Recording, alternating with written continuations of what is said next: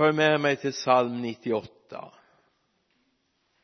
så börjar vi vers 1 psalm 98 sjung till Herren en ny sång. Han har gjort under. Han har gett frälsning med sin högra hand sin heliga arm. Herren har gjort sin frälsning känd han har visat sin rättfärdighet inför folkens ögon. Han har tänkt på sin nåd och trofasthet mot Israels hus. Jordens alla ändar har sett vår Guds frälsning. Ropa till Herren hela jorden brist ut i jubel och lovsång. Lovsjung Herren med harpa med harpa och lovsjung med trumpeter och hornstötar. Ropa av glädje inför kungen Herren. Havet ska brusa med allt som fyller det. Världen och de som bor i den. Strömmarna ska klappa i händerna och bergen jubla tillsammans inför Herren för han kommer för att döma jorden. Han ska döma världen med rättfärdighet och folken med rättvisa. Lovsjung Herren med harpa. Ja, det var kanske inte precis harpa det här det var gitarr. Men det var ju stränginstrument i alla fall. Ropa av glädje inför kungen Herren. Jag tänkte bara så här, hur låter det? Jag vågar inte utmana er så. Jag vet inte om du har hört ett uttryck som man säger ibland. Vad finns i din, ditt hjärta eller din hjärna nu? När du står inför en situation så kan man säga vad var i hans hjärta eller hans hjärna? Vad fanns där? Och ibland känner jag så här när vi möts i gudstjänst vad finns i ditt hjärta och, eller din hjärna då? Vad är, vad är du programmerad med? Vad har du med dig i bagaget? Är det det är tungt. Nu måste jag genomlida det här. Eller wow nu är jag på gudstjänst. Nu är jag i Guds hus. Nu får jag möta trossyskon. Vi får bli uppmuntrade av varandra. Och vi får känna wow tänk att vi har en så stor Gud. Amen. Hoppas du känner så bibeln har en hel del att berätta om den Jesus som vi älskar. Vem han är. Jag ska bara göra några axplock. Matteus 28, 18 då trädde Jesus fram och talade till dem och sa åt mig har getts all makt i himmelen och på jorden. Och jag tror att du tror honom. Eller? Det är sant när han säger det. Mig har getts all makt i himmelen och på jorden yes vilken Gud vi har va? Så ta med dig det prisa Gud. Matteus 11 med början på vers 25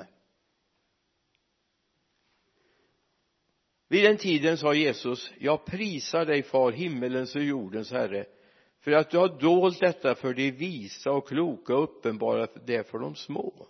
Ja far så var din goda vilja. Allt har min far överlämnat till mig. Och ingen känner sonen utom fadern. Inte heller känner någon fadern utom sonen och den sonen vill uppenbara honom för. Allt har min far överlämnat åt mig. Det säger inte lite eller hur? Det säger ju någonting om vad han har fått med sig och ska vi titta in lite i de här sista skälvande sekunderna av den skapelse vi lever i så står det någonting i första Korinthierbrevets femtonde kapitel. För sammanhanget skulle jag läsa från vers 22 kommer lite längre ner sen. Liksom alla dör i Adam så ska också alla göras levande i Kristus men var och en i sin ordning. Kristus som förstlingen och därefter han när han kommer det som tillhör honom. Och så står det i vers 24 sedan kommer slutet. När han överlämnar riket åt Gud fadern sedan han gjort slut på varje välde varje makt och kraft. Han måste regera tills han har lagt alla fiender under sina fötter här kommer liksom slutfasen. Det är själva crescendot. När Jesus har fullbordat allt och så lämnar han över makten till far igen som han hade fått det ifrån. Och så ställer han sig under far. Här har vi lite grann den Jesus vi har att göra med. Den vi umgås med. Så det är ingen liten Gud vi har med oss. Och så kommer min fråga nu då på samma temat. Var är ditt livs centrum? Var inte för snabb nu när du svarar i ditt hjärta. Du behöver inte svara utan ta det som en fråga, en retorisk fråga in i ditt hjärta. Var är ditt livs centrum? Det här är en jätteviktig fråga. Är, är jag centrum? Eller är det Gud som är centrum? Alltså allt för ofta fast vi bekänner att Gud är centrum så har vi oss själva som centrum. Det jag har fått, det jag har upplevt, det jag har lärt känna och så vidare. Men faktum är att det är, det är Gud fader som är centrum. Det är inte jorden som som solen snurrar runt utan faktiskt är det så här att jorden snurrar runt solen det är Gud som vi är omkring. Det är han som är centrum. Men ibland har vi gjort oss själva till centrum och tror att Gud är en tjänare till oss. Men vi är hans tjänare. Det är viktigt vi ser att det är faktiskt så att Gud är den som är vårt livs centrum. Det är honom vi har att hylla. Det är honom att vi har att ära. Så vi inte gör en obalans i vårt liv. Alltså det finns många människor som sliter sig. När man åker upp och ner rutschkana ner och, och så åker man upp i känslolivet och så ner igen. Därför man har gjort sig själv till centrum. Känslorna kan gå upp och ner men Gud är ständigt densamme. Jag gick och grubblade i, igår en del. Händer att jag har sådana här dagar ibland läser Guds ord och funderar och vänder och vrider och så gjorde jag en upptäckt. Jag nämnde om det i vår bönesamling hemma i Vänersborg igår. Jag vet inte har ni varit vid Mount Everest? Mont Blanc?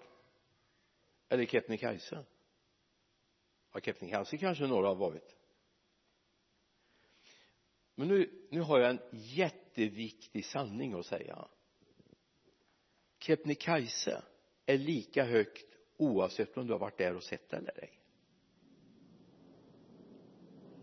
Det är bara Såtenäs som är på gång tror jag. Kebnekaise blir ju inte mindre bara för att inte du har sett det. Eller Mount Everest blir ju inte mindre bara för att inte du har sett det det finns människor som säger att det ligger i betraktarens ögon. Har ni hört det? Om konstverk. Hur man ska bedöma det. Men så är det inte med det här. Det ligger inte i dina och mina ögon. Det finns en objektiv sanning om Gud.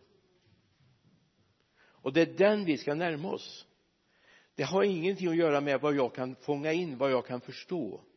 Det finns en objektiv sanning om vem Gud är och vad viktigt det är att vi får tag i vem Gud är verkligen. Och vi förstår att Gud är större än vad jag kan få in i mitt förstånd. Vilket gör att bibeln är en helt speciell bok därför det är hans bok. Vilket gör att när jag läser den som söndagsskolgrabb en gång i tiden och när jag läser den idag så är det faktiskt två olika böcker. Helt klart därför jag har under årens lopp fått lära känna mer av Gud. Jag, alltså jag säger inte att jag har sett hela Mount Everest om jag får använda bilden än. Men jag har sett lite av foten av det. Och det här är viktigt vi får tag i. Alltså Gud är något som är ständigt han växer inte. Det är vår förståelse av honom som kan växa. Och det är lite grann av den ingångs ingångsstämning vi ska ha ingångsvärde vi ska ha med oss när vi går mot en gudstjänst. Vi går mot den som är fortfarande oupptäckt för oss. Men jag vet han finns. Jag vet att han är stor, att han är mäktig att han kan göra det som inte mitt hjärta eller min tanke kan förstå. Det står till och med att han kan göra mer än vad jag ens kan bedja eller ens tänka? Jo därför han är stor. Han är mäktig. Och utifrån det perspektivet så ska jag ta med det till bibelsammanhang. Jag har en liten egen alltså jag har ingen ny tolkning. Jag bara lägger tonvikten kanske lite annorlunda än vad vi vanligtvis gör med psalm 40 som säger mig lite grann och talar om vem Gud är.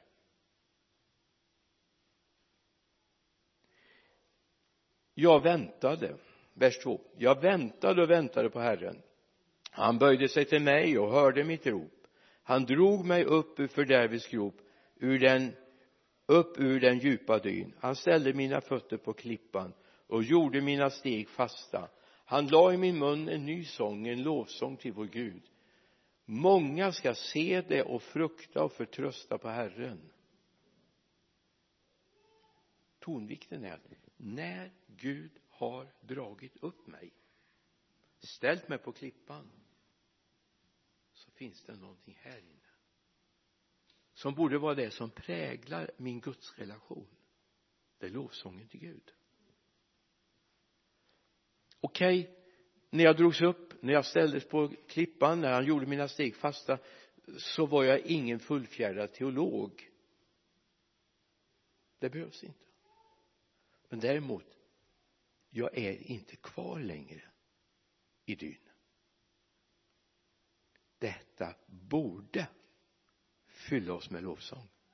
Tacksamhet, glädje, jubelrop. Vi borde bara jubla. Ja men jag är ju inte kvar. Jag har fått en ny, ett nytt liv, en ny möjlighet. Så jag höll på att säga att alla kristna som har tagit emot Jesus är gjorda till lovsångare. Det är bara att läsa. Innantill sen kanske inte alltid vi tänker att det är någon som kan stå med en gitarr och leda lovsång eller spela piano eller något annat instrument. Men lovsångstonen borde finnas här inne. Sen är inte alla av oss sångare. Men jag har varit med om i församlingen i Vänersborg de som absolut inte har kunnat hålla ton. Idag skriver de lovsånger och delar. Ja men han är bra alltså. Därför de upptäckte vi är inte kvar längre. Gud har gjort någonting i våra liv. Och idag vill vi uttrycka den tacksamheten och den glädjen till Gud. Gud är en objektiv storhet. Ta med det uttrycket. Gud är en objektiv storhet. Vem Gud är ligger inte i ditt och mitt betraktande. Utan Gud är den Guds ord säger. Och sen har vi sett lite mer, mer eller mindre av det. När jag läste bibeln som söndagsskolgrabb då var det inte många poletter som föll ner. Nu är det några fler som faller ner och klirrar till. Och jag har några bibelord som jag är så glad för för att de var felöversatta i äldre översättningar. Och det är först nu 2015 som jag har sett att de är rätt. Och det här upptäckte jag och en broder. Vi hade bön och bibelläsning tillsammans en gång i veckan under ett antal år. Vi bodde uppe i Norrland. Och när vi började gräva i Guds ord och började gräva i grundtexten då förstod vi ja men det här är ju fel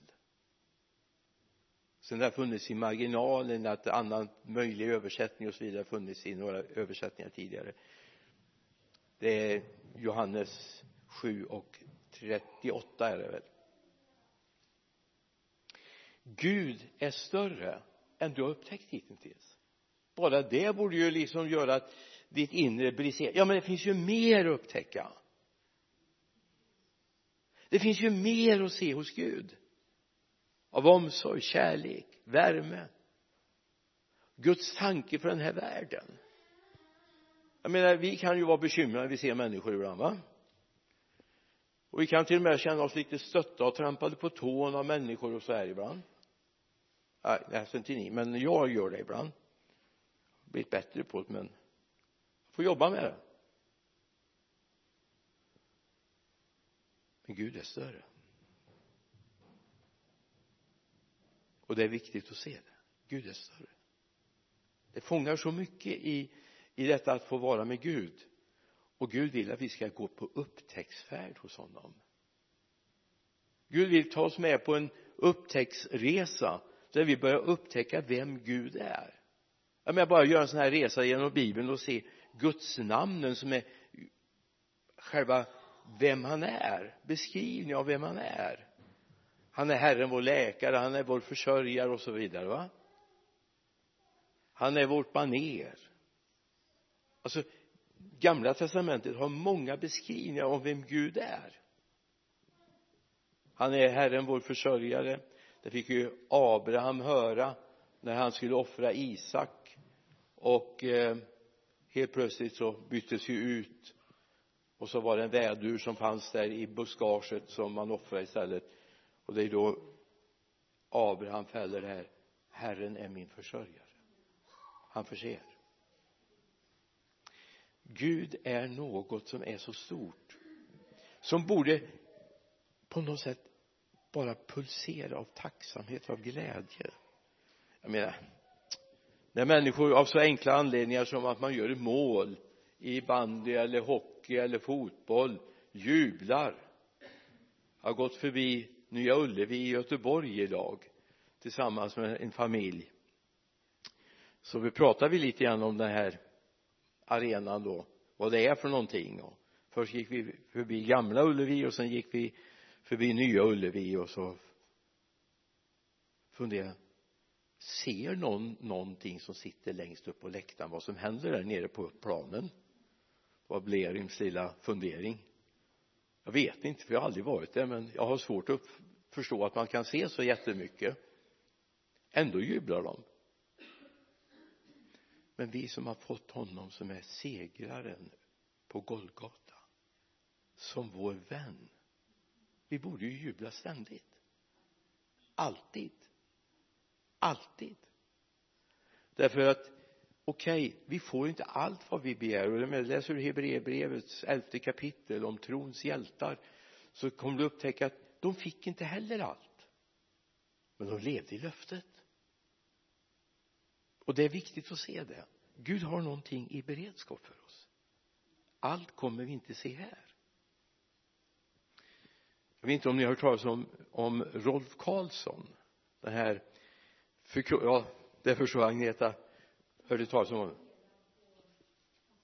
Ja. Helt underbart.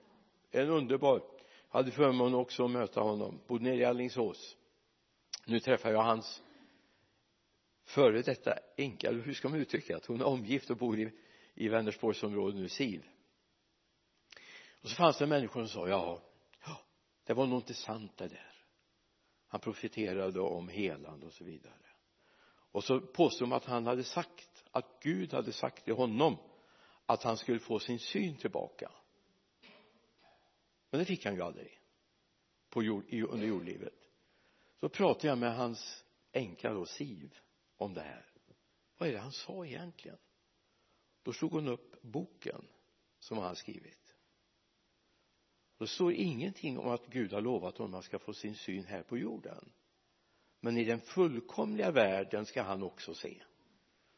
Och mig så långt jag förstår så har inte den fullkomliga världen kommit än. Det är ju bara att slå upp tidningarna och höra nyhets att den fullkomliga världen har inte kommit än. Och det är viktigt att vi förstår vad som sägs så vi inte lägger saker i munnen på människor. Gud kommer ge oss en fullkomlig värld och det är viktigt vi ser det. Sen ska vi vara oerhört tacksamma att Gud faktiskt har tagit oss i sin tjänst. Alltså om vi tittar på dem som, som Jesus kallade ut och som Gud har kallat ut jag menar vad vi brukar säga det var inte Guds bästa barn allihop. Det var inte de här söndagsskolgossarna som han plockade ut. Petrus förnekade och Paulus gillade att man dödade människor. Han var en förföljare. Han säger det själv. Han var en förföljare. Och vi skulle kunna gå igenom och säga ja men det här var inte söndagsskolklassen precis. Och då är det ett ord i första Timotebrevs första kapitel första kapitel vers 12 som har blivit en sån tacksamhet för mig ofta när jag känner att det är lite deppigt och känner att Gud räcker jag till för någonting? Då går jag tillbaka till den här versen och tänker att den här skrev Paulus med sin bakgrund. Då skrev jag, jag tackar honom som har gett mig kraft Kristus Jesus vår Herre för att han ansåg mig värd förtroende och tog mig i sin tjänst.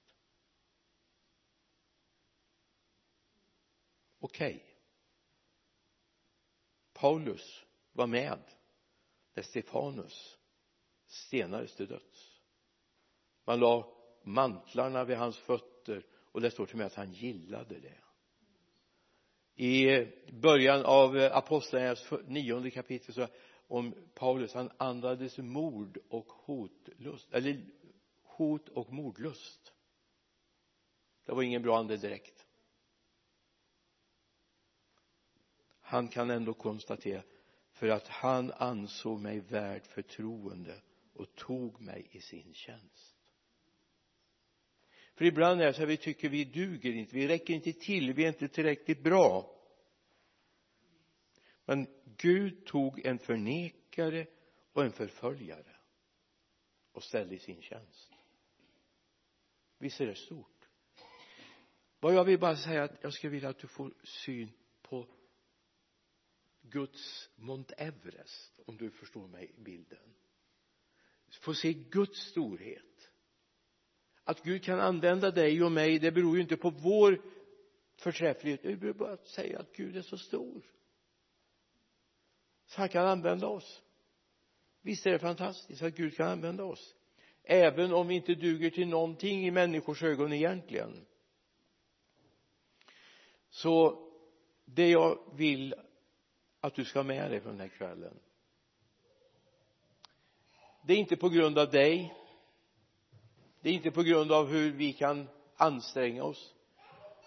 Utan det är på grund av Guds nåd och Guds storhet som vi kan prisa honom. Förr tänkte jag att jag ska prisa Gud när jag ser allt underbart han gör. Men jag har sett mycket underbart Gud har gjort. Helanden och mirakel. Människors frälsning människor som gått från död till liv. Jag har sett det.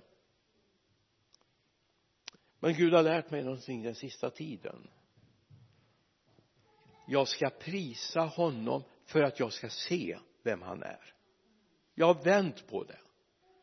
Nu prisar jag inte längre Gud bara när jag upptäcker och jag är liksom hågad för det. Utan jag har bestämt mig för Mount Everest är lika högt även om jag inte har sett det. Gud är lika stor även om jag inte har upptäckt honom än. Därför prisar jag honom. Ordet säger att han är stor. Ordet säger att han är fantastisk. Därför prisar jag honom. Så få med det. Gud välsigne dig. Herre hjälp oss att förstå att även om vårat hjärta ännu inte har fångat in vem du är så prisar vi dig ändå även om vi inte har fått alla mirakel som vi har längtat efter så prisar vi dig ändå därför du är stor och du är underbar. Och vi lovar dig herre för din makt och din härlighet. I Jesu namn. Amen. Amen. Amen.